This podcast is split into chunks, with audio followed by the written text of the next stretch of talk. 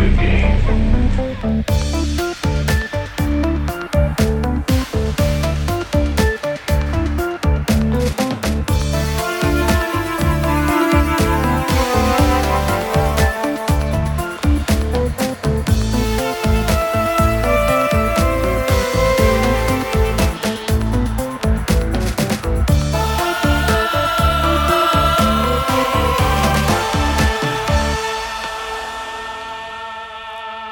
Välkommen till det 213 avsnittet av skräckfilmspodcasten Vacancy. Med mig Erik Nyström. Och med mig Magnus Johansson. Vi förspiller ingen tid här utan vi kastar oss in i fortsättningen och den sista delen i våran tredelade så-fest. Mm. Vilka filmer är det vi har kvar här? Precis, eh, de vi har kvar är Så 3D eller Så 7 eller Så The Final Chapter och Jigsaw. Ja, Eh, Den, eh, den förstnämnda kom 2010 och Jigsaw 2017. sen kastade vi in en liten bonus också. Men den tar vi när vi kommer dit. Ja, För att inte skrämma bort någon. ja. Men du, eh, så 3D, så The Final Chapter eller så 7. Den såg vi på bio tillsammans, eller hur? just det. Och eh, jag, jag tror att jag sa någonting i förra avsnittet om att jag hade sett alla de här filmerna och jag börjar bli lite osäker på det uttalandet. För det var, det var som att eh, du fick, eller någon, någon av oss fick ge den andra en liten resumé, eh, som jag minns det i alla fall, innan bion. Ja, var det kanske jag? Eh, men... Eh, fan vad gamla vi är. Ja. Jag, har, jag har inget minne av det här. Nej, Och jag har inget minne av att jag skulle ha haft något minne av de andra filmerna. nej just det. Eh, Det jag tänkte var att den, målades upp i trailers och sånt som den sista. Och att jag hade mina förväntningar på att det här skulle vara ganska stort. Eh, Det skulle ställa allt på ända. Och det skulle vara djävulskt grisigt i 3D. Precis. Och att jag gick in med nästan lite så här orimligt uppskruvade förväntningar. Trots att jag ju aldrig egentligen har gillat det här universumet. Nej. Det var, det var det jag minns att jag gick in i biomörkret med. Och att, och att jag kom ut ganska besviken. Mm. Och, och blasé över hela vad jag hade sett. Ja. Så, så jag hade ganska låga förväntningar nu när jag slog igång den här filmen. Mm. Men jag tänkte att ja, jag får ta mig igenom den här så får jag se den där Jigsaw-filmen som jag aldrig har sett i alla fall. ja, precis. Alltså, jag tror någonstans att i förra avsnittet gav jag upp med resuméerna. Men det är fällor, eh, nya personer kastas in och, och, och någon, någon liten knorr om vem som har varit med redan från början eller eh, någonting som har hänt i de andra filmerna som vi får se på ett annat sätt utifrån händelserna här. Ungefär så. Yes, och eh, vi eh, spoilar ju friskt i de här avsnitten. Eh, för jag tänker att eh, de flesta följde ändå med så filmerna. Den här är regisserad av samma som gjorde eh, sexan, den här eh, re- redigeringsassistent-snubben. Ja, Kevin Greutert och, och de här Melton Dunstan författarna eh, tillbaka. Yes, yes. Den här startar ju... Ja, just det. I förra avsnittet sa du att du börjar bli lite less på, på det här börja med en, med en fälla. Ja, Eh, och eh, den här lurar dig en liten stund i alla fall. Eh, den här startar där eh, första filmen slutar. ja just det. Vi får se Med, Carrie Elves krypa i, med avsågad fot i en korridor. Mm. Och jag hann tänka, det är bara några, vad kan det vara, 25 sekunder. ja. Och jag hann tänka, okej det var inte James Wans regi som gjorde Carrie Elves så fruktansvärt usel i alla fall. ja, precis. Alltså det lilla han är med där lyckas han ändå utmärka sig med att att kännas pajig. Mm. Vill du ha historien eh, kring Carrie Elves frånvaro? Eh, från de här, vad är det, mellan ettan och, och sjuan här. I fem filmer har han ju inte dykt upp. Nej. Så eh, fanns det någon kontraktsdispyt kring ersättningen efter första filmen. Så han låg i, i så här legal battles med, med Lionsgate eller vilka det nu var. Just det. Twisted Pictures eller vad de heter. Ja, Ja. Så, så, men, det hade de löst här och så då... då, är man ju med igen. ja, men lätt. Nu, nu har vi stämt varandra klart här. Nu kan vi, nu kan vi börja om. Ja. Så därför dyker han upp här. Yes, härligt. Men eh, direkt från den lilla liksom vignetten så kommer vi in i första eh, fällan. Det här är väl det som jag minns mest från biobesöket. Att eh, det är det här sågbladen i skyltfönstret. Ja, Just att eh, det är en öppen miljö, vi är inte i industrilokalerna. Och att, att eh, folk stod utanför och tittade på och försökte liksom hjälpa till och ringa polisen och slå sönder rutan och sådär. och det är inte heller riktigt det här gröna ljuset eh, som man har hunnit bli godeless på. Utan det känns det är lite mer naturlig ljussättning eftersom de är utomhus Mm. dagtid. Mm.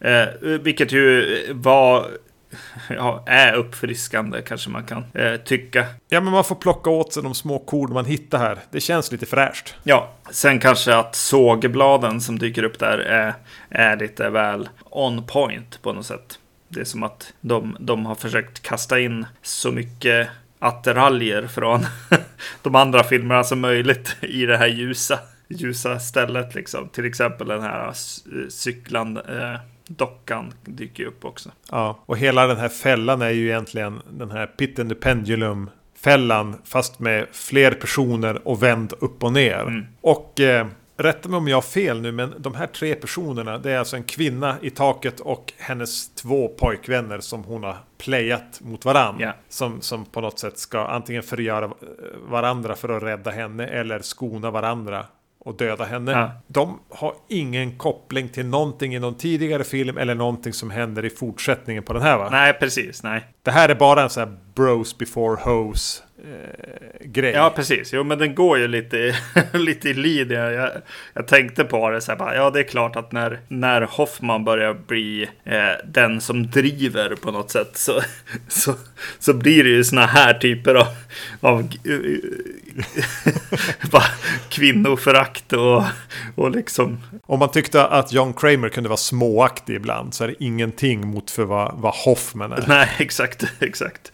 Det som slår mig mest Mest är att den är ganska trist, eh, den scenen. Mycket mer trist än vad jag eh, minns den som. Och jag blir mött av ett mycket tamare våld, eller eh, blod och effekterna känns... Mm, mm. Det känns, alltså, den visar ju ett sågblad i mage på den här personen, men det känns torrt på något sätt. Ja, precis. Och det faller ner några tarmar också. Men eh, om man ska jämföra den med sekvensen, Pit and the Pendulum-sekvensen i vilken det nu var. Ja. Det var någon av filmerna i förra, förra avsnittet. Yes. Eh, så fanns det ju, det var obehagligare. Mm. Det var snyggare iscensatt. Här är det någonting kliniskt. Eh, tänker du att 3D-fotot har, har kommit i vägen här? Ja, precis. Jag tänker på det. Men jag tänker också, alltså just, eh, jag måste bara fråga hur du upplevde blodsfärgen. För jag kände att den var rosa. Ja, det är någonting fel. Ja. Det är som att de har tänkt att de ska färgkorrigera den här med ett grönt filter eller någonting i post. Mm. Och sen glömde de det. Alltså att de har lagt färgerna när de spelar in som att de ska processas. Ja. Men sen blev det aldrig. Nej, precis. Det jag får ut av det är så här, ja nu är det, nu är det eh, unga som går på bio. Nu, är, nu, nu vet helt plötsligt studion också om att folk smyger in i biosalongen och det är de som eh, ser de här liksom, filmerna och betalar för dem. Och då får de helt plötsligt någon slags samvetskval där. Ja. Jag tänker att det är 3D-fotot, för det här var en tidig 3D-film också. Ja, jo. jo. Där är ju en, en stor skillnad till, eh, vad heter den då? My Bloody Valentine. Mm. Som också är en 3D-rulle och den, den, den går ju in för grejen liksom. Det är så här, ja men hur ser en människa ut inuti i 3D? Liksom. Eh, Men det gör inte riktigt den här filmen. Jag kunde tycka ändå någonstans att det var skönt att eh, just att de backar från det här typiska så-fotot. Förmodligen Mm. då för att kunna göra den i 3D. Gjorde att det blev en behagligare titt för mig. Alltså den var visuellt snyggare egentligen än eh, femman och sexan. Som jag hade ganska problem med det här muggiga fotot. Mm, Att den här kändes lite, eh, lite clean. just det. Lite säkrare. Eh, om det sen bara var ett olycksfall i arbetet med att, med att få in en 3D-kamera där, må så vara. Ja, jag, jag både eh, håller med och inte. Det kanske är just i de här scenerna liksom. Men sen så har de liksom eh, flashbacks och annat i den här filmen och över korrigerar, eh, färgkorrigerar eh, ordentligt så det nästan inte finns något kvar i, i bilden liksom. Och så gärna lite så här blurrat också. Ja, det, ja, mycket av det i sexan vet jag. Ja, jo, precis. Och sen, sen ska ju filmen liksom igång här då. Och vi ska, eh, vi ska få Hoffman, alltså där Hoffman lämnades eh, av eh, Jill Tuck där i, i sista delen av sexan här. Mm, I en sån här reverse bear trap-fälla. Just det, precis. Alltså, där han sliter sig ur den och eh, ska hämnas i princip. Eh, och i den, i desperationen av att få komma undan från honom så går Jill Tuck till eh, polisen och eh, försöker sätta dit Hoffman eller liksom komma undan han egentligen. Ja. Och eh, där, där börjar eh, något som jag brukar vara ganska lugn med egentligen i, i, i genren liksom. Eh, men här, här får jag lite problem för att så här, det är någon Eternal Affairs snubbe som hon får tag i där. Och eh, eh försöker deala till sig eh, vad heter det, immunitet. Ja. För eh, eventuella brott som hon har begått. Och den snuten kan, kan ge ut immunitet där där och då liksom. det, det... Jag tänker att det är en sån här deal med åklagare och domare och grejer. Ja, det är nog ganska långt innan de kan börja snacka överhuvudtaget liksom. Eh, men, men de skyndar på det lite och nej, det blev lite så här. Vem, vem har skrivit det här på något sätt? De kunde nog kommit undan lite med det så här.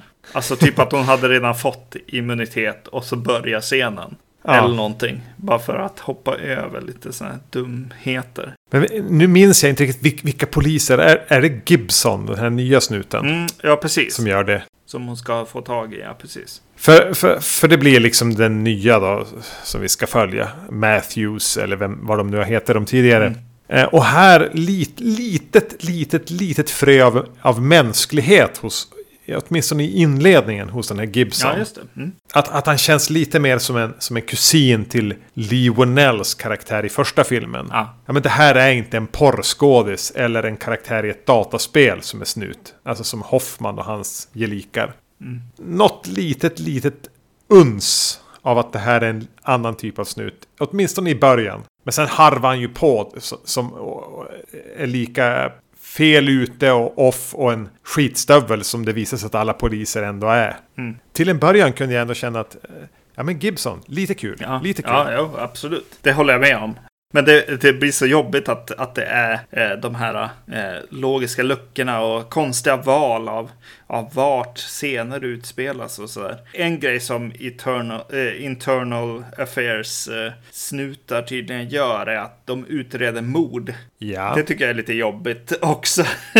det borde vara så här homicide eller någon slags annan avdelning. Men det är som att Gibson glömmer bort vilken avdelning han hör till. Ja, exakt. När filmen väl kickar igång. Ja, och då blir det inte bättre av att så här, ja, helt plötsligt så bara, okej, okay, det där kändes som ett litet över, alltså gått över någon, någon konstig gräns med vad han får göra. Ja, först då att han kan ge ut immunitet, han kan utreda mord och så sen är det en scen lite senare där, vad heter det, eh, Jill och eh, han eh, möts och har en scen och då, de, då ah. möts de i, en, i ett jättelitet sovrum. Ja. Där hon sitter på, på en säng och är det då han kallar henne för crazy hela tiden? Just det. Det är en jätterolig. Jag, jag satt och letade den på YouTube så, nu under kvällen innan vi skulle spela in. Ja. För att den var så vansinnigt rolig, men jag hittade den inte. Nej. Men jättekul scen. Alltså, och, skulle vi hitta, hitta ljudspåret till den så, så lägger vi det sist i det här avsnittet. Just det.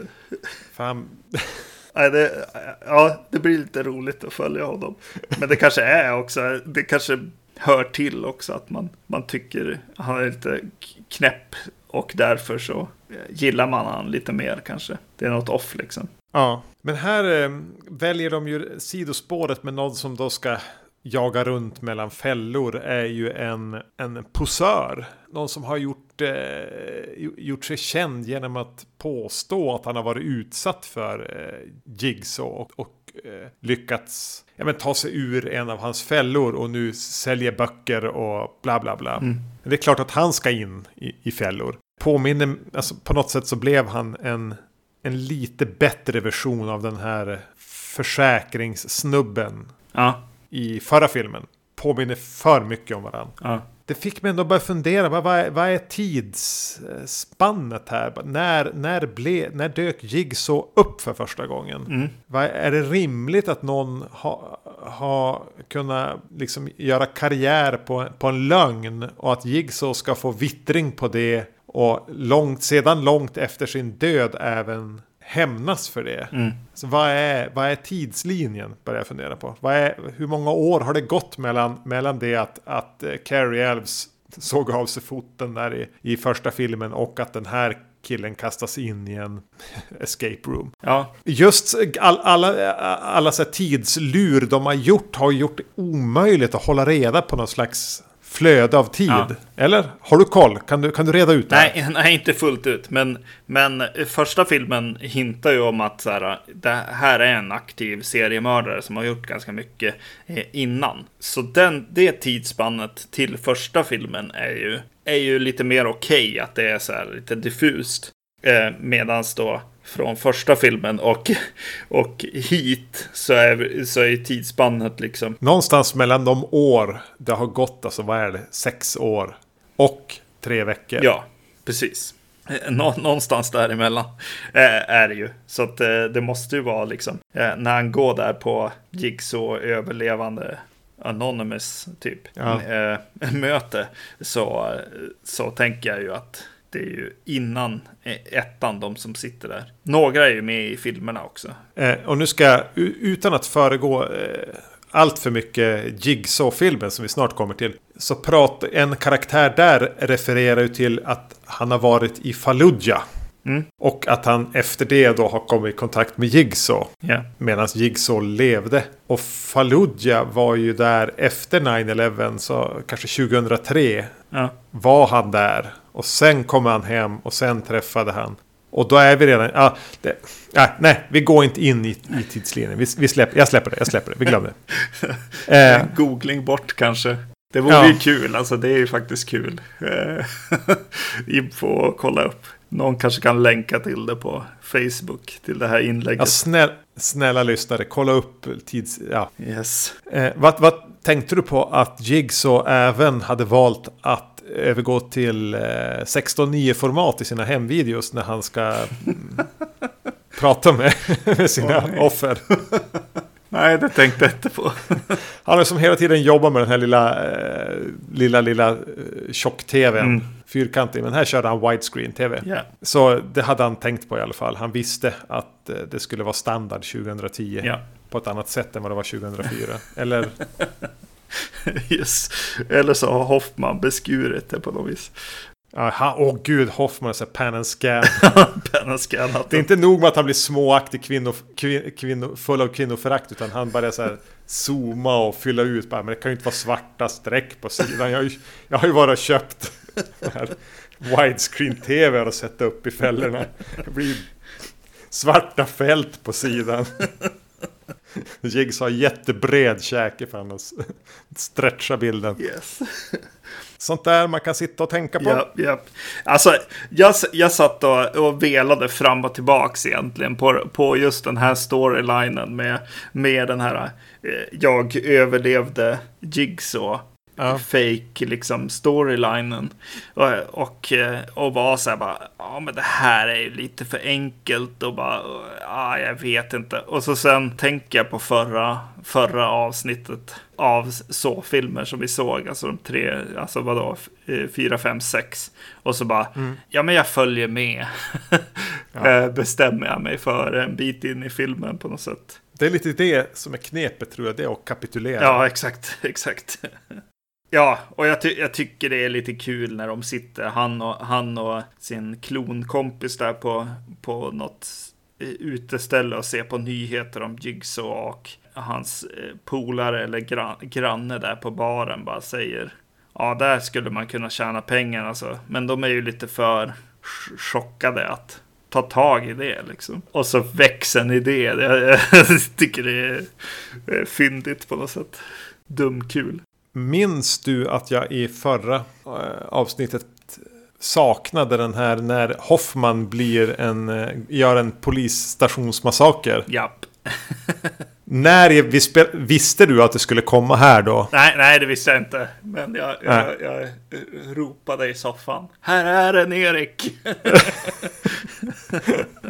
ja, jag, jag, jag, gillade den. Eh, kanske bara för att jag, jag hade gett upp och tänkt att jag inbillar mig. Alltså att jag bara blev gaggig. Mm. Men här kom det ju faktiskt när han bara slaktas igenom en polisstation. Ja. Och Hoffman har ju heller aldrig varit bättre än vad han är när han får agera någon slags Alltså i princip Jason Voorhees karaktär. Ja, eh, funkar mycket bättre och eh, de, de fattar det lite grann. Eh, den här ensidiga liksom hämndhistorien bara. Ett mål liksom. Jag ska, jag ska döda hon som slet av mig kinden liksom. Det, det, det funkar betydligt bättre på Eh, på Hoffman. Ja. Eller han, ja, de har hittat honom helt enkelt. När de har sett filmerna eller något. Bara, ja just det, han är ju så här, han är lite torr och lite så här tyst och går omkring och så här. Och då bara, ja men gör han lite mer Frankenstein-lik mm. liksom. Skär han i ansiktet och ger han ett mål. Ja, exakt. Eh, så uppfriskande, en liten injektion blev det för mig. Mm. Jag har ju försökt någonstans, eh, i alla fall i första avsnittet, att, att komma åt vad Viljigs och håller det ihop. Och det övergav jag väl typ i så två. Mm. Eh, men någonting som slog mig när jag tittade på den här var att ja, men om det är så att han verkligen vill lära alla sina offer, liksom en, de, de ska få en chans att ändra sig, de ska lära sig någonting, de ska kanske genom smärtan. Varför sätter han en timer på 30 sekunder? Ja. Det, det, det är ju bara för att det är en film. Ja. Du har ett dygn på det. Mm. Att så här, tveka om du ska skära av det handen eller inte. Och tänka på igenom de saker du Ge dem lite tid, 30 sekunder. Alltså då handlar det ju mer om din impulskontroll. Ja, exakt. Och hur, hur fort du kan, ja precis, haja läget. Haja läget, det handlar ju inte om du verkligen vill leva eller inte. Det handlar ju mer om vad du tar för beslut på kort tid, hur du är funtad på så sätt. Ja, ja där är det en stor skillnad till första filmen egentligen. Ja. Där, där är ju allt på plats liksom för att ta sig därifrån liksom. Och så Jag upplevde att det var extremt, de hade extremt kort tid på sig här. Mm, mm. Eh, på ett sätt eh, som förtar lite grann att de ändå ska kunna få med sig någonting från den här upplevelsen. Den skulle nog vara starkare om de hade fått lida och våndas längre. Ja. Det är till mina noteringar om jag skulle göra något liknande någon gång. Vilket jag inte ska. Nej. Nej. Ja, kändes den som ett The Final Chapter då? Nej, Nej alltså det gjorde det väl inte. Alltså, alltså om det var någonting så var det väl att så här, skönt egentligen att Hoffman fick, fick någon avrundning liksom. Ja. Eh, eftersom att han, han har inte hjälpt eh, serien direkt. Eh, fram tills nu. Men, men, men han fick också en redemption lite grann. Utifrån hur han beter sig och alltså hur han används här. Ja, en, jo. Så det, det gillar jag mer än eh, Nej, den, den sätter ju inte punkt liksom. Men den gör, jo men det den gör, det, den gör ju en grej med lite rosetten liksom.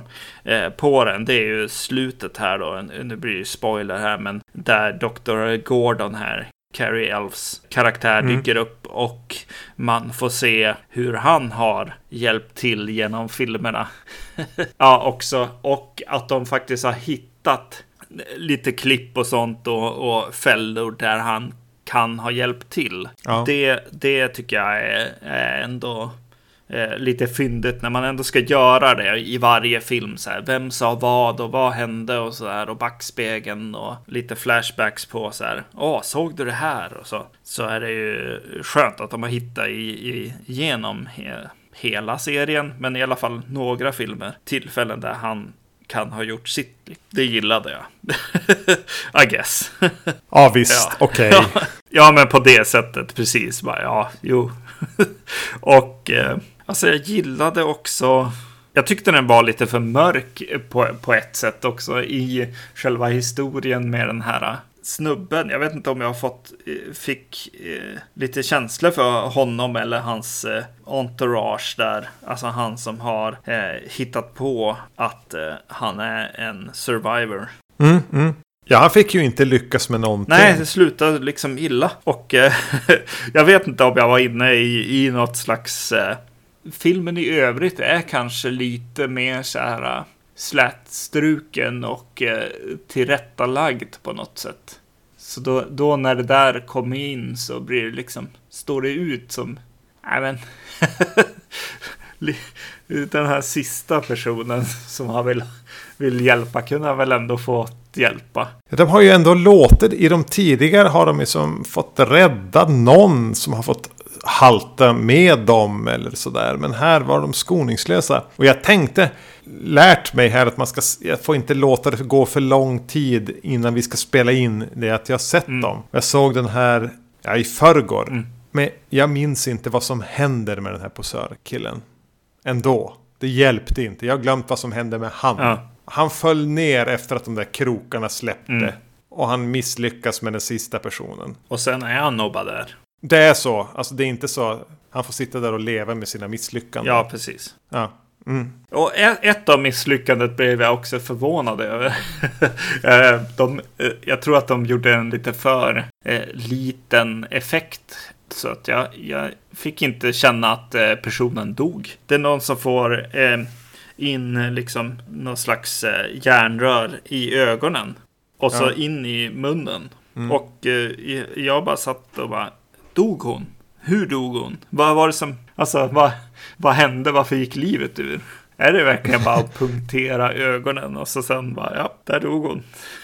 Jag tänker att det är 3D som ska hjälpa till där. Såg du den i 3D, du som har den möjligheten hemma? Eh, nej, det gjorde jag inte. Jag tänker att kanske att det ska förstärka det där. Ja, ja, precis. Jo, jo man ska ju känna att man åker, åker in i den där. Mm. Och eh, ja, precis. Om det var något som var lite otrevligt, det var det väl kanske den här fiskkroken i magen. Ja, vad fan drog den med sig upp? Ja, exakt, exakt. Mm. Eh, det var ju lite så här, äh, känna igen. Alltså bryta nageln, skräck. Man kunde relatera. Där ville, ju- där ville ju jag att han skulle lyckas få rädda henne i alla fall. Ja, exakt. Yes. Ja, det var en downer ändå. ja, precis. Till skillnad från de andra happy-go-lucky eh, installationerna i det här konstverket. Mm, mm. Men ska vi hoppa till Jigsaw? Eh, det kan vi absolut göra. Den såg jag klart alldeles nyss. Mm. Så här hoppas jag inte har glömt hur det går för någon karaktär. Yes. Och vad var året? 2017? Ja, precis. Så här har det ändå gått sju år. Mm. Och man väljer ändå att på något sätt fortsätta serien. Ja. Döpa om den lite grann. Men... Och den här hade inte jag sett. Nej, inte jag heller. Den gick på bio här och jag var... Kanske skulle jag ha gått på bio. Ja, jag gjorde inte. Nej. Den är regisserad av två tyska bröder som heter eh, Mikael och Peter Spirig. Och de har plockat in någon som heter Josh Stolberg och eh, Pete Goldfinger och skrivaren. Mm. Det de har gjort, som jag slökollade, var typ Piranha 3D. Precis. Ja, Sorority Row. Det är lite, lite remakes författare. Ja. Och eh, regissörerna eh, eh, slog nog igenom lite halvstort med en film som heter Undead. Som jag tror att jag har missat. Ja, Och så Daybreakers som jag har sett vid något tillfälle. Och eh, den. Win Winchester här senast. Eh, som jag inte heller har sett. Nej, inte jag heller. Vet du vem som har klippt den här filmen? Nej. Eh, Kevin Greutert som har regisserade de två eh, tidigare. Jaha. Han satte sig där igen. Wow. Okej. Ja, men här blir det också ett, eh, ett gäng instängt i någon slags fälla. Eh, Poliser jagar runt i stan. Är det så att John Kramer faktiskt lever? Och så lite, lite eh, flört med eh, nutiden. Eh, eh, de syftar på någon hemsida om, om Jigsaw och, och fansen eller vad man ska säga. De som är väldigt, väldigt intresserade. Alltså de, de gör någon slags eh, stab mot eh, true crime-fascinationen. Och eh, samhället där, kanske framförallt bland eh, kvinnor som blir rättsläkare utifrån att de är true crime-fantaster. Den här filmen, eh, mina förväntningar på den här filmen var någonstans att eh, nu tar vi tar vi nya tag, vi gör om saker. Det är en, en slags soft eh, reboot-grejen eh, liksom. Som man Ja, ser så sånt. mycket nu. Mm. Och visst, den börjar ju lite så. Fast väldigt snabbt så får jag också känsla av att det är samma serie. De här sju åren gjorde inte så mycket. Så musiken går igång i lite så här tuff tappning. Det är någon i alla fall som har, har tittat på det i backspegeln ändå, Jigs, eller så, eh, filmerna. Och, och precis som eh, du eh, kommit fram till att, vänta, den är ju rätt bra den här ledmotivet. mm. Liksom. Så det är väl första, första filmen så som, eh, som flörtar så pass mycket med den. Och den försöker ändå få ett lite annat anslag. Borta är den här nerviga, irriterande klippningen Mm. med zoomar och grejer. Och det gröna färgkorrigeringen. Utan här är det mer, känns lite mer polerat. Vi är utomhus mycket. Skådespeleriet känns inte lika dött. Nej, Eh, Alltså det känns mer som en vanlig film. ja, Och, och ja, den är, den är mer wide också. Så de tidigare har ju varit alltså, i typ 16.9 format. Mm. Den här är bredare. Alltså typ 2.35 eller någonting. ja, det är påtagligt faktiskt när jag tänker på det. Alltså att det, det, det är fotat på ett sånt sätt att de vet det också. Att, att det är grejen här lite grann. Att vi öppnar upp på något sätt. Eh, Jag tänker framför allt på hur, den, hur de här gänget som är i- i leken eh, presenteras. När de alla, alla sitter på rad med en hink för huvudet. Ja. Den är ju en ganska stark bild sådär. Mm. Men det blir, blir ganska, alltså jag gillar början, att det känns lite så här luftigare, det känns, ljuset är ett annorlunda, vi är utomhus. Det blir lite den här känslan när man har suttit i ett långt möte där syret har tagit slut i rummet och man får gå ut därifrån. Ja. Och bara, åh, åh, ja just det, det är så här det känns att andas. Men jag är ju fortfarande kvar på jobbet. De där korta sekunderna av att ha, få, känna hur det känns att andas igen eh, försvinner ju ganska snabbt. Mm. Utan det är, vi är där. Vi är ett, ett så här, eh, Bodaborg escape room-gäng. Mm. Som ska försöka komma på varför just de är där. Pågår någon slags polisjakt utanför. Där de av någon jävla anledning verkar hitta offren som misslyckas med senaste rummet. Dyker upp hängandes från någon bro eller kastad från något hustak. Och det verkar finnas misstankar men de här poliserna litar inte på varandra. Är någon av dem egentligen den som är skyldig? Är någon av dem den som låtsas vara Jigsaw? För Jigsaw, alltså John Kramer, är ju död sedan många år tillbaka. Mm. Hoffman också. Sådär. Det är liksom att det här är, en- det har gått några år det här har varit över. Jo, precis. Man får ju en liten sån här eh, red herring intrig här lite grann. Folk som spelar, spelar varandra mot varandra mot varandra på något sätt här. Det är liksom en, en av snutarna får agera publik och, och vara lite så här osäker på vad, vad som försiggår och, och även byta allegiance väldigt snabbt i filmen. För att man, ma- vi, vi också ska göra det. Eller tänka på samma sätt. Så det blir eh, snut mot eh, rättsläkaren och eh, rättsläkarens assistent då. Som är den här kvinnan jag refererade till lite grann med true crime fascinationen. Hon har jag sett i en film tidigare. Vilket hjälpte mig väldigt mycket tror jag. Jag såg en film på Monsters of Film med henne. Och det är nog tur. Vilken var hon med där då? Eh, jag såg, eh, det var, det var tag sedan nu, eh, något, något år sedan som hon var med Jaha i okej, det var inte årets liksom. Nej, nej, nej, precis. Utan hon var med i en film som hette What, What Keeps You Alive. Mm. Så, så för hon, även i den filmen så var hon lite så här träig, kylig, svår att ta liksom på, eh, förstå. Vilket ju är, är liksom poängen på något sätt här. Tror du att hon eh, i viss mån fick rollen för att hon påminner om Shawnee Smith? Ja, just det. Jo, jo exakt. Jo. Eh, Definitivt. Eh, Shawnee Smith, ja, som spelar Amanda i de tidiga filmerna. Hannah Emily Anderson heter hon. Det hjälpte inte henne att hon slängde in dubbla förnamn. Hon har fortfarande ett fruktansvärt intetsägande namn. Ja. Jobba på det, byt namn. Annars kommer det här aldrig att lyfta. Hannah Emily. Alltså, det här blir ju, blir ju väldigt mycket av ett eh, polisdrama eller liksom eh, thriller på något sätt. Eh, och, och eh, väldigt mycket lösa gåtan. Vem är vem? Är vem? Så jag, jag tappar bort mig i det så pass mycket att skräckelement inte funkar på mig. Det, det kanske är bara regi eh, eller klippning då. Men eh, det är någon jump scare med den här grismasken vid något tillfälle Ah, som bara det. helt Mm. faller helt platt för mig. Funkar inte alls. Det får de göra om. Ja, det, det den har lyckats med är ju lite grann att, att det känns, alltså jag tycker den generellt så här, skruva upp skådespeleriet lite mer. Att alla Mm, karaktärer är lite mer där. Ja. Man har lättare med den här snabba mänskliga associationen till dem. Men eh, priset för det var tydligen lite sövande. Jo, alltså både det här gänget som, som utsätts för eh, fällorna. De, de är ju...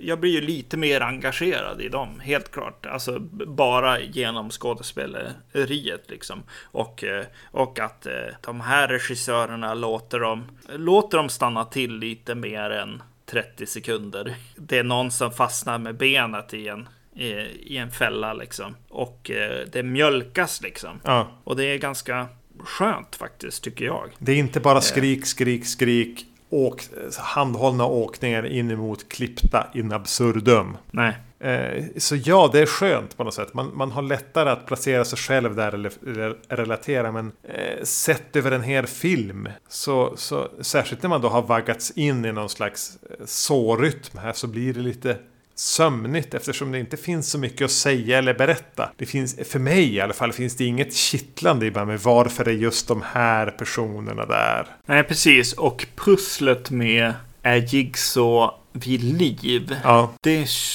köper jag ju inte. Det är ju ingen som... Eller, förlåt. Jag satt inte och, och tänkte den tanken. Eh, sådär. Så den är ju bara som ett sidospår. en del i pusslet på något sätt. Mm. Ja men lite Eh, det- grann, lite var att det här, är, det här är ett manus som egentligen var en annan story. Men man har valt kasta in den i så-universumet. Jag tror inte det är så, men jag fick lite den smaken i munnen. Eh, ja, precis. Jo, men det kan jag förstå. En av, det, av i det mysteriet i sig, liksom, det som är liksom twisten, även om jag, man ser en lång väg, så är det eh, lite saker som händer som är annorlunda mot de andra filmerna. Vilket gör att jag, jag hajar till. Alltså, dockan på videobandet pratar om, om en viss person som har fastnat i den här ben Ja. Eh, och det var ju lite på eh, random vem som fastnar eller om de ens skulle fastna. Så det känns som den, den är live Exakt. helt plötsligt. I de tidigare filmerna har det ofta känts som att fällan har haft sitt eget liv. Ja, Men här känns det som att det är någon som drar i spakar och springer bakom. till och med ett inspelat band eh, refererar, refererar till att en har pratat om en viss sak tidigare och bandet pratar om det men, men säger ja men du sa inte allt liksom. Ja, Så man får en känsla av att, att den som drar i spakarna här eh, är och springer runt och, och tittar på allting som händer. Liksom. Så på så sätt så, så känns det ju också som att det kanske är ett sätt att få John Kramer och Jigsaw att vara vid liv och närvarande genom filmen. Jag tänkte lite grann att alltså den, den hade en så, så pass distinkt annan känsla än, än eh, de, eh, vad sa vi nu då, sju första filmerna. Att det här var en så här uppföljare som kom senare som var gjord för tv. Alltså jag tänkte typ så här Omen 4 eller någonting. Ja, Alltså den, den har all lore, den har alla rättigheter. Men den har inte kvar några skådisar. Eh, Den har ett så pass annat anslag att den inte kan användas av delar av det. mm. Vilket gör att den får som en konstig relation till de andra. Den är inte liksom en, en kondenserad eh, pralin där man har tagit allt det göttaste, flyttat det sju år framåt i tiden och, och tagit in vad som har hänt med filmuniversumet sedan dess. Utan att den är, den får mer en, den luktar lite kylskåp, Mm. Matlåda. exakt.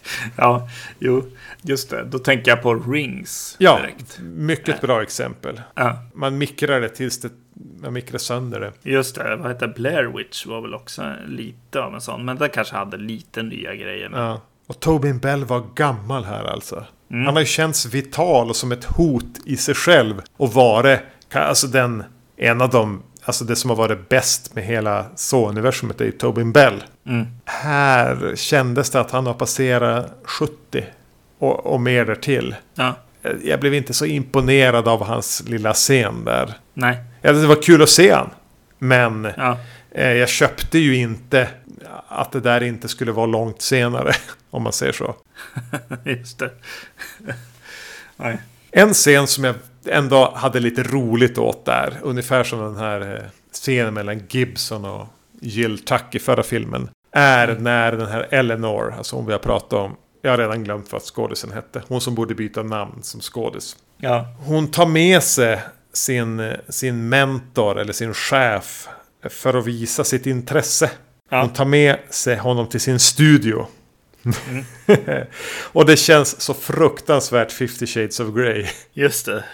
Och det visar sig att hon har samlat på sig, eventuellt byggt en massor av Jigsaws fällor. Och har liksom en Ja. stor lagerlokal för hon är det största fanet. Hon har laddat ner ritningar och hon har säkert en 3D-skrivare där någonstans. Eh, men det är som så kåt stämning mellan dem hela tiden. Mm. Att eh, man tänker bara okej, är det dit den här filmen? Kommer vi att få liksom en sexscen här? Med, Ja. med den här jävla reverse bear trap på någon av dem. Jag vet inte. Jag, alltså jag fick sådana...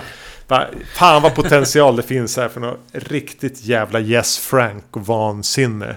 Nej, vi fick ju inte det, men, men Nej.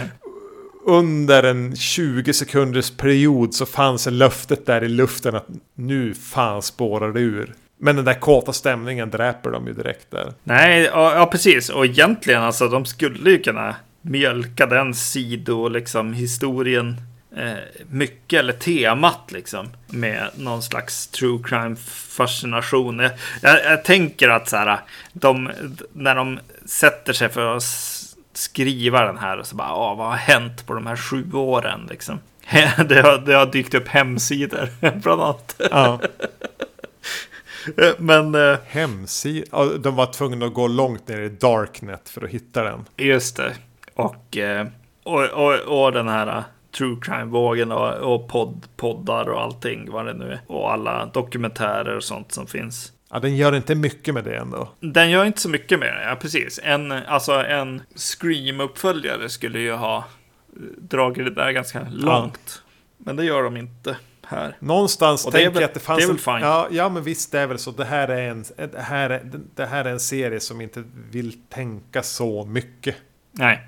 Det, det kanske är det jag förväntade mig av, av filmen i och för sig. Att så här, ja, den heter Jigsaw, det är någon slags nystart. Jag förväntade mig mer kommentar på så universumet än vad jag fick. Jag fick en till så film på något Ja, sätt. gör, alltså har man det här sju års uppehåll Mm. så krävs det mer när man startar om. Och Mm. det fanns ett löfte om det genom kanske två tredjedelar av filmen. Ja, Men eh, det blev ju inte så mycket med det. nej, eh, alltså, eh, jag känner mig, jag känner mig rätt gubbig eller någonting här nu när jag ser på den här filmen också. För att jag, jag tycker att det är ganska skönt att den är så här eh, ganska fint fotad och Ja. eh, enkelt berättad och Ja, men jag är med. Och så. Jag är med. så att den, den står ändå ut mot för eh, den här gröten som vi pratade om i förra eh, avsnittet. Mm. Som så här bara, ja men det här var en bra eh, film, filmkväll. I och med att jag såg båda de här filmerna, The Final Chapter och den här samma, samma kväll, så var det, var det ganska skönt att få en ganska eh, enkel och, och för lite, mycket mindre skakig kamera och sånt där. Eh, och bättre skådespeleri och ja, jag kan, jag kan förstå att, att eh, det också innebär att är man, är man hooked med så filmerna så är den här jävla trist alltså. Ja, den hade inte så mycket mer än det här glossy att, att ta med sig. Mm. Vet du vad jag glömde? Jag glömde min... eh, Att redovisa revisorerna här förra filmen. Ja, Så 7 var den hittills dyraste. Ja precis. Den kostade 20 miljoner. Eh, Men det är nog 3D-fotot tänker jag. Ja, precis. Och, eh, och eh, lite nya platser att vara på Ja. som de är också. Och så är det någon, någon så här känd musiker med i någon scen och så. Just det. Jo. Som är lite större än vanligt och någon explosion och så. där. Så, så det var den dyraste. Men den spelade samtidigt. Alltså den kostade 20 miljoner. Den spelade in 136. Så för att vara ett Final Chapter. Alltså så var den ju betydligt större avans än föregångaren. Sexan som var ett eh, misslyckande. Även om den gick plus. Eh, även Men- Jigsaw. Ja vad skulle du säga? Ja, jag, sk- jag skulle bara kommentera på det. Att så här, det är därför det, det kommer någonting som heter slutet eller the final chapter eller någonting. För att då, då kan man komma tillbaks och se i alla fall den Ja. filmen. Det, det är någon slags marketing, eh, inte geni, men smarthet i alla fall här. Något som har funkat och funkar även nu. Det var ganska kul för jag såg eh, kvällen innan såg jag Friday the 13th The Final Chapter. Och så fick jag se Mm. så The Final Chapter kvällen därpå. Anledningen, eh, jag gör en liten plugg här. Att Mm. jag såg eh, fredagen den 13 är att jag ska prata om den tillsammans med Emil och Gustav på Titta de snackar i ett avsnitt som kommer att dyka upp då fredag den 13 december. Ja. Om man vill, vill höra mig prata om den igen. Vi har ju redan pratat om den. Mm. Och förhoppningsvis då så är det Gustav som levererar en, en topp 10, en sån temp på den. Ja. Och det var kul att se om den. Jag har nog aldrig haft så kul när jag såg fyran som då tror jag. Just det. Ehm, men nu innan vi lämnar Jigsaw. Mm. 10 miljoner verkar ju vara den gyllene summan här. Och den här kostade också 10 miljoner att göra. Och spelade in 102 miljoner. Vilket ändå gör att det känns lite konstigt att de inte gjorde en Jigsaw 2.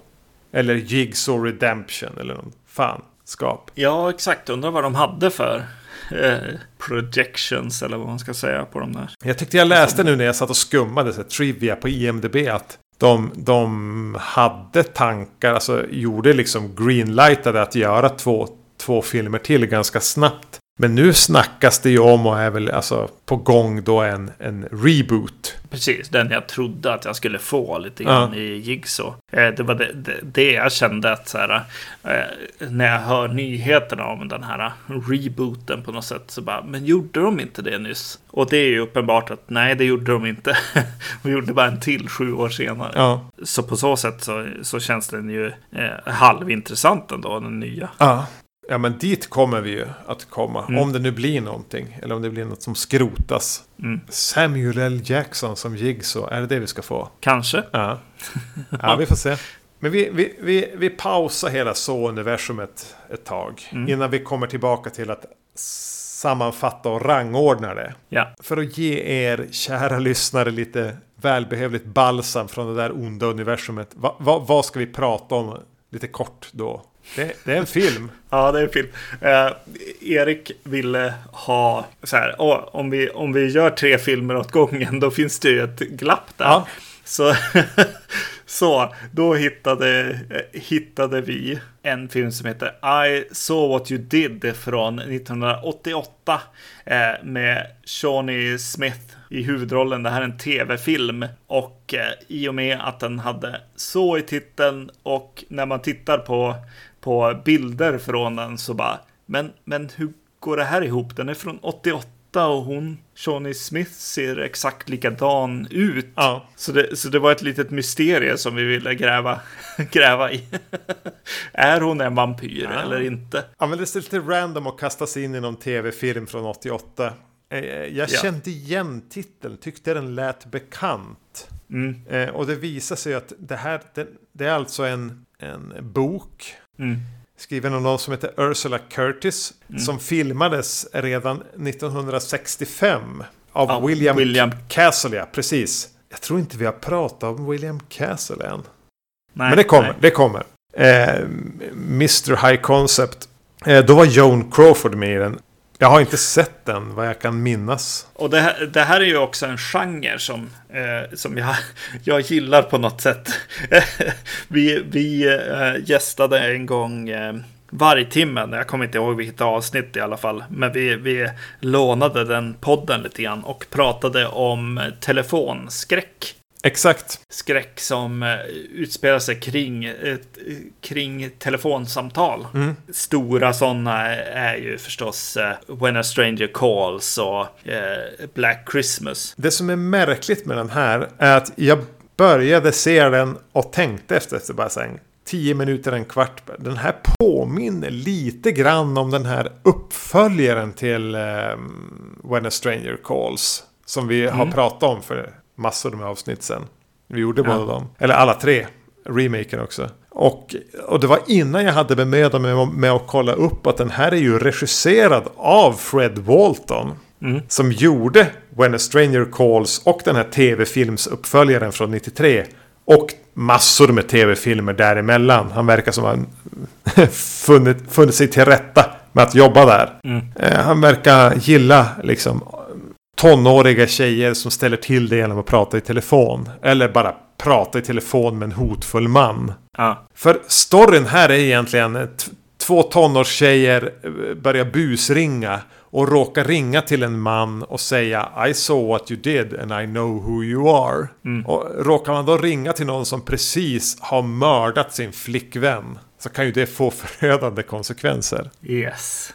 Ja, eh, det, det- är ju en rolig setup liksom. Ja men den är så perfekt Halloween-story.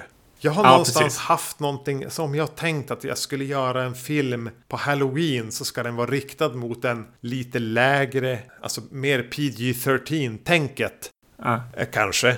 Och eh, vilket jag kan återkomma till blir ett problem för den här filmen. Den får gärna vara lite kortare. Den kanske bara är 45 minuter. Mm. Men, men, men pitchen här är ju asgrym som hon har kläckt här, Ursula Curtis. Ja. Det är lite kul här. eh, De här tonårstjejerna. Alltså, de byggs ju upp lite grann. Ja. Det är två, två tjejer. En som är lite mer utåtriktad, har en pojk, pojkvän. Och en väldigt blyg som tar hand om sin eh, lilla syster eller vad det är. Eh, Pluggisen. Ja, och pluggisen, ja precis, exakt. Och den här pluggisen eh, spelad av eh, Shawnee Smith här. Och hon får ju för sig helt plötsligt att gå fram till en klasskamrat eller en kamrat i skolan och bara eh, vill, Skulle du vilja komma hem till mig och äta Ja, middag? jättekonstigt. Jag förstod inte det där. För scenen innan har man... Jag tror att hon är ganska ny i, i skolan, Shawnee Smith här. Mm. Eh, scenen innan har ju varit den här... där, där Sh- Shawnee Smith svarar klokt och smart på en fråga från en lärare som den här andra inte har. Hon har typ sovit på den lektionen. Ja, Eh, och läraren ber Shawnee Smith och hon ger ett jättebra svar och läraren avrundar liksom lektionen med att säga Ja men du är ju smart och begåvad och intelligent och verkligen en sån elev som får den här skolan att skina och få alla andra att se ut som idioter eh, som inte kan något. Alltså, jättemärkligt, märklig lärare. Och, och den här, eh, hon som har sovit liksom så här, bara, eh, kräk, låtsas kräks i princip. Och så händer Ja. någonting. Och sen får liksom, hon bara, ja men jag ska nog bjuda hem hon på middag. ja, Eh, och där man är i filmen, men alltså är hon liksom lågbegåvad? är raggar hon på hon? ja, eller är helt goody two shoes. Ja. Liksom. Väldigt mycket så här. Oj, nu ska, eh, gjorde jag illa. Sårade jag kanske henne? Jag bjuder hem henne på middag.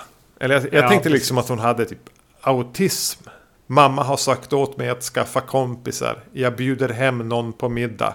Ja, Men, men, men det är egentligen bara en detalj i början. Alltså det är någonting för att forcera fram det här. det. Till där vi ska vara. Men det, det, det är lite behagligt märkligt.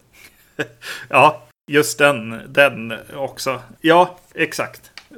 Vad, vad betyder det?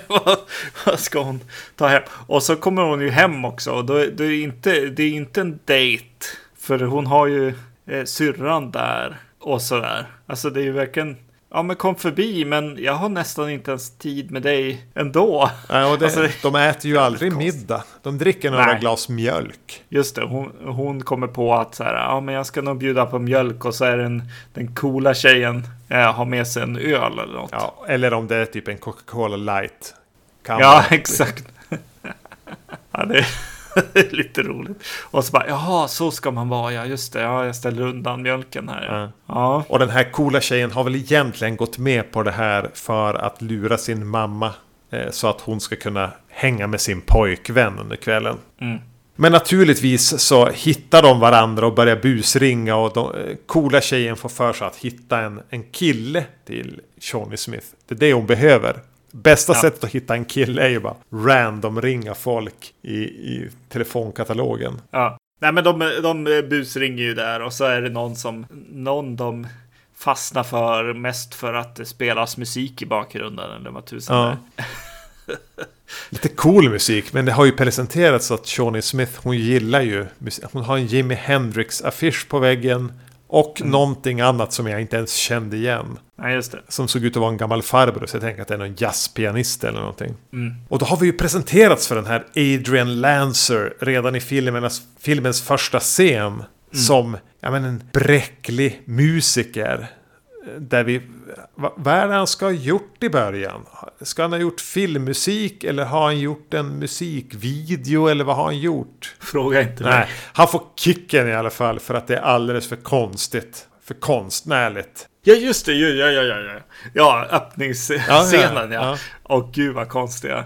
Eh, just det, nej han får, han får kicken för han har, eh, vad, ja han har gjort någonting fel i alla fall. Eh, som kanske vi skräckfilmsintresserade som gillar gamla filmer inte, inte förstår. Om man har klippt in liksom klipp från gamla filmer, är det det som är problemet? Eller är det själva musiken? Eller? Ja, vad, Ja. vad är hans roll egentligen? Ja, det såg bara ballt ut det Ja, han gjorde i alla fall. Men han fick sparken ändå. Eh, och han, så han är liksom i ett dåligt mindset. Och helt plötsligt när han ska fria till sin, till sin flickvän så, så säger hon Nej men det vill jag inte, jag vill göra slut istället. Mm. Och då dödar han henne. ja. Och eh, när han ska dumpa kroppen så är det någon som ser honom. Han flyr tillbaka till sin lite halvflådiga våning ändå någonstans i Los Angeles. Till saken hör väl också att han är ju sjuk. Eh, på något sätt. Mm. Det är väl det de försöker eh, säga där i början. Ja men lite Norman Batesy. Ja. Mm. Adrian här spelas av Robert Carradine. Som är David Carradines bror. Ja. Eh, och David Carradine är också med som, sin, alltså, som en bror till den här mördaren. Så de bröder i filmen och bröder i verkligheten. Just det. Vad glad man blir när David dyker upp. I, i Ja. en sån snyggt skuren kostym. Och bara ger filmen lite lyx och lite klass och lite pondus. Ja, så vad... Exakt, det är det som händer ja. Man, man hajar till och så bara, vad fan, här är någon som, som skådespelar. Ja. eh, som säljer sin figur, eh, sin karaktär och, och ändå är så här, David Carradine är väl lite så här som en liten skämt, eh, en punchline på något sätt. Men eh, här kommer han in och bara, jag kan det här. Det är lugnt, jag är här. Mm, Eh, hans brorsa som då spelar Adrian. mm. Kämpar väl lite mer sig igenom den här filmen. Ja, precis. Han har det där att han ska se konstiga visioner och vara galen. Uppenbart galen på något sätt. Det blir ju lite svårt. Han är ju med i en annan film än, än David Carradine i alla fall. Men, men, men se, ser inte du ett släktskap mellan, mellan Adrian här och mördaren i eh, båda When a Stranger Calls-filmerna? Mm. Är inte det här något som, som den här Fred Walton verkar gilla? Jo, så är det nog. Och även nästan remaken. Alltså det finns en koppling här. Ja. Hur han ser på män som hatar kvinnor eller någonting. Ja, nej men eh, mest så, så blir det ju liksom. Ja, och jag, jag kan ju er, erkänna att jag eh, såg den lite så här off, off and on medan jag tittade. Och Ja. det hjälp, hjälpte nog mig lite grann. Ja, eh, för den här finns eh, på YouTube om man Exakt. eh, bara söker efter den. Så det blev väl en sån här lite så här film som man ser medan man gör något annat också. Och jag tror att det hjälpte en del för att det vi var inne på i början av snacket här är väl att det är en kortare historia än en eh, lång film på något sätt. Jag tror att den är gjord för att smälta ihop med reklaminslagen. Kanske till och med så här, nyhetspaus. Ja, Och att du ska kunna vara, som du säger, liksom, man ska göra annat under tiden. Vika tvätten, hämta en öl. ja. Den får som puttra på för det, den är jävligt utdragen. Mm. Eh, det, det finns väldigt lite stoff, eh, men de kavlar ut det. Sen är den lite gullig. Alltså, eh, Ja. jag gillar de här, alltså det är ju tonårstjejerna här och så lilla syster. Och att den utspelas under en enda kväll, slash natt. Ja. Också lite trevligt. Och det är ju alltså When a stranger calls eller Black Christmas punchlines här. Helt klart, det är någon som, som eh, ringer medan han är i huset liksom. Eh, och säger att han, han är inte den han, man tror att han är. Punchlinen blir väldigt, eh, på, ja, påminner väldigt mycket om eh, den här öppningen till When a stranger Ja. calls. Och jag tycker ändå att det, det, det kokar ner till en till slut alltså efter en vad är den 90 minuter men det känns längre. Mm. Slutkonfrontationen är rätt bra. När de, när de till Ja. slut hamnar ensamma i huset där. Johnny Smith, eh, Adrian här och, och lilla syster. Ja. Att, eh, och han börjar sätta eld på saker utanför och han bara är där helt plötsligt. Och hon försöker prata med han och inte avslöja för lilla syster att det är en främling i huset. Och det börjar brinna och de, ja, hur de nu löser det. Ja. Det är inte så illa. Nej, eh, jag, jag satt, satt ett tag här nu bara oj shit, spoilade jag den här filmen? Men samtidigt så är den på väg dit hela tiden. I och med att så här, det handlar om två eh, tonårstjejer som ringer till någon som just har mördat sin fru. Ja. Ja. ja men som tv-film betraktat, alltså det här kan man ju se. Ja, precis. Jo, Sånt här, jag, sånt här jag sk- skulle önska liksom var ständigt på tv. Det fanns alltid en sån här kaliber av film att, att hitta någonstans. Och det är lite de här minnena jag har när man började se, var, var uppe lite senare på kvällarna, fick styra lite mer själv över sitt tv-tittande. Att man kunde halka in i sånt här. Ja, Ja men det, det finns en charm i det. ja Och, absolut. och även med Johnny Smith tycker jag. Hon är charmig. Ja, jo, exakt. Yes. Men vi, vi, vi styr tillbaka från, från den här lilla tv-filmsutflykten Ja, till, tillbaka till så-universumet då, och, och sätter någon slags slutpunkt där. ja.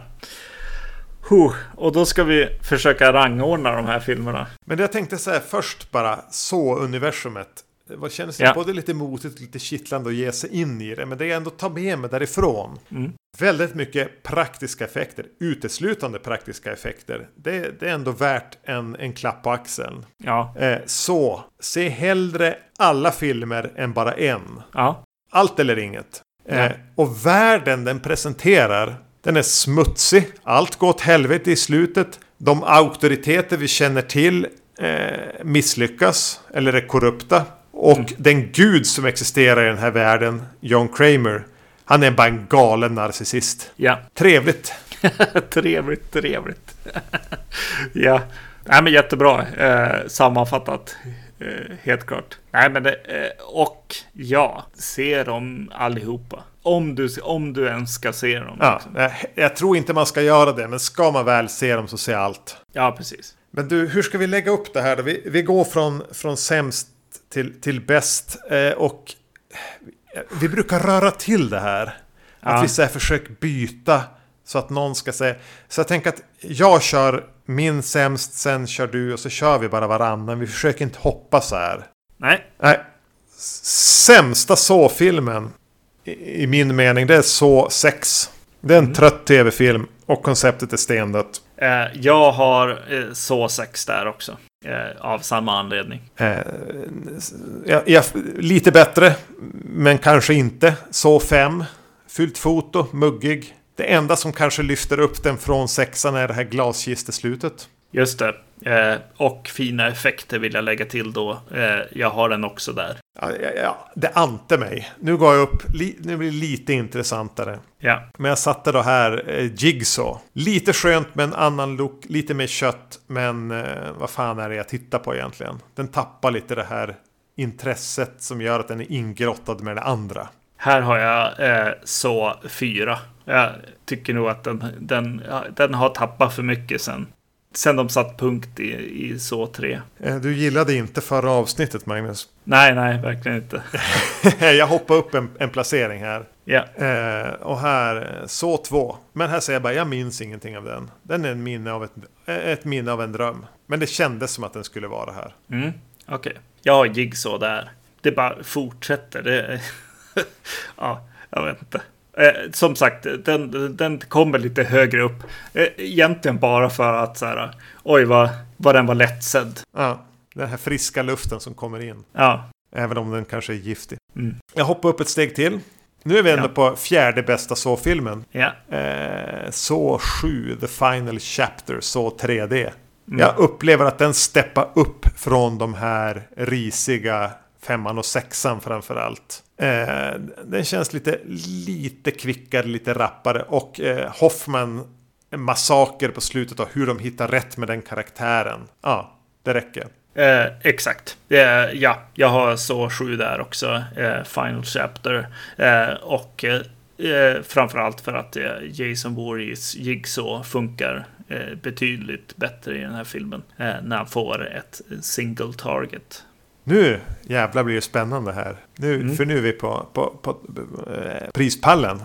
Brons, Bronspengen. Ja, Och, och, och den tredje bästa så-filmen i, i mina ögon här. Så, det är första så-filmen. okej.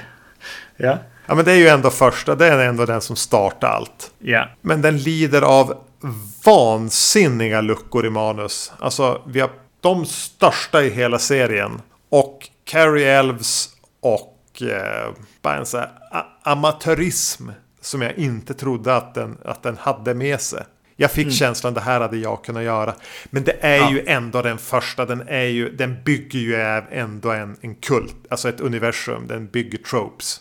Så ja. Eh, jag har så två på tredje plats. Eh, jag vet inte, jag kan hålla med dig också lite grann. Eh, det den vann på var att det var att Donny Wahlberg gick och, och connecta med på ett sätt. Eh, han är rätt stabil på det han gör när han är med i en film. Och eh, jag tror att jag gillade de här snutarna. Jag tyckte verkligen inte om ungdomsbrottslingsgänget. Nej, dock. fy fan. Mm. Eh, men eh, snutarna kan jag tycka om och jag tyckte om eh, hon, jag kommer inte ihåg vad den karaktären heter, eller skådespelerskan. Eh, precis, precis exakt. Som var en bra liksom vikt mellan grabbarna som, som så här ville bara döda Jigsaw där. Det kändes eh, schysst. Ja, jo, hon är nog med på en sån här topp fem karaktärer i serien. Mm, mm, Plats två då, Silver. Mm. Eh, så tre. mm. Triangeldramat här mellan, mellan eh, Jigsaw, Amanda och den här doktorn de har kidnappat. Det är jävligt udda. Eh, den har mycket skavanker i det den försöker hålla igång med den här som pappan eller vad fan det nu är som, som joggar runt där. Eh, och de försöker nästan överge det. Ja. Men det är, det är någonting så udda och, och, och skevt med det här triangeldramat att jag gillar det. Jag har, jag har trean där också. Eh, lä- läkaren som måste hålla Jigsaw vid liv medans eh, vi får en, liksom en, liksom en, en, ändå en djupdykning men en- ändå ett mysterie kring den här Amanda-karaktären Ja. som jag eh, fastnade vid. Har du, har, har du hållit, hållit koll på mig nu? Vad har jag för, för någonting på Nej. första plats? Du har inte det? Nej, jag, jag sitter i panik och försöker komma på vilken det är. Ja, det, är- det är ett jävla skott i mörkret. Men det är så fyra. Ja, okej. Mm. Det var någonting med att så här, han Darren Lynn Boosman, som vi kallar han för till slut, regissören, han har hittat hem här. Han kan sitt så-universum. Han hittar balansen mellan den här obligatoriska escape room-liknande storyn och polisintrigen. Det limmar ihop på bäst sätt och blir liksom på något sätt essensen av vad så är. Två Ja. parallella historier där en är poliser som skriker och virrar runt. Tvistar kommer och vi har en eh, någon eh, slags escape room historia i mitten. Ja, Eh, ba- bara en kommentar på det är ju, ja, ja, självklart ska den förmodligen klättra upp lite grann, men med, var det inte den som hade lite roliga övergångar också? Just var det, någonting mm, jag gillade. Eh, gillade där. Eh, men eh, den kröp ner för mig för att jag, det, jag blandade ihop den. Helt enkelt med hela, hela de här fyran, femman, sexan. Ja, det är lätt hänt. Men eh, jag har så på, på toppplatsen av, av annan anledning. Det, jag, jag, det är väl mest så här, det är den som man kan se som en sak eh, fortfarande. Och det är nog därför den, den ligger där. Jag gillar indie-skräckskänslan ändå i slutändan. Skapar glädjen Ja. det blir det. Och eh, jag kanske tycker lite grann att så här, resten av serien börjar få lite mer andra influenser. Alltså det ska vara den här eh, tortyrporr-känslan liksom som Ja. jag eh, inte riktigt gillar. Eh, vart skräckfilmen tog vägen där ett tag. Och så eh, jag fick känna mig lite smart med massa referenser och sånt. Eh, det, är det inte... Jo, det är fan eh, Jigsaw som eh, kommer in och eh, berättar en till referens. För jag, jag kommer ihåg att jag rabblade re, lite referenser från första eh, filmen eh, när vi pratade om den. Eh, och det dök upp en till nu när jag såg Jigsaw. Va? Ja, just det. Den här dörren som man smäller igen och säger game over är ju lite Texas Chainsaw Massacre ändå. Ja, det är en ståldörr i alla fall som någon här, dra- drar smäller igen. Ja. Yes. Men det är spännande för det här är ju en skitserie egentligen. Det är ganska få värden i den. Men jag har, haft, jag har varit flera gånger så här peppad. Bara, oh, nu ska jag få gå hem och se så 5. Ja, Jag har varit ore, orimligt sugen på varje film och haft väldigt kul att, att kasta mig ner i det här.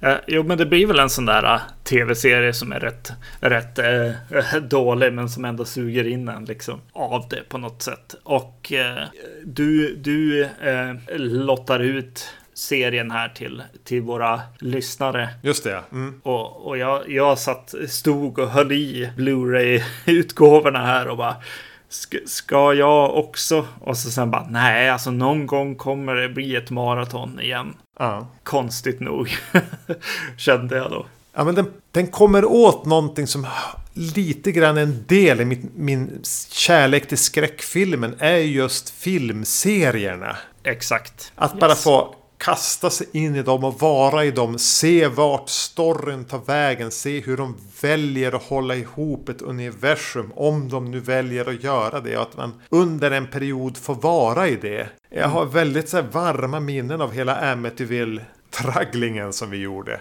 Ja. Eh, och det här påminner mig lite grann om att det finns så mycket skräckfilmserier att låta skölja över en och sortera åtminstone vad man tycker om dem just då. Ja. Eh, så det här var skitkul och eh, vi kommer definitivt att göra fler längre serier. Om det sen blir under 2020 får vi se eh, och, och vilken.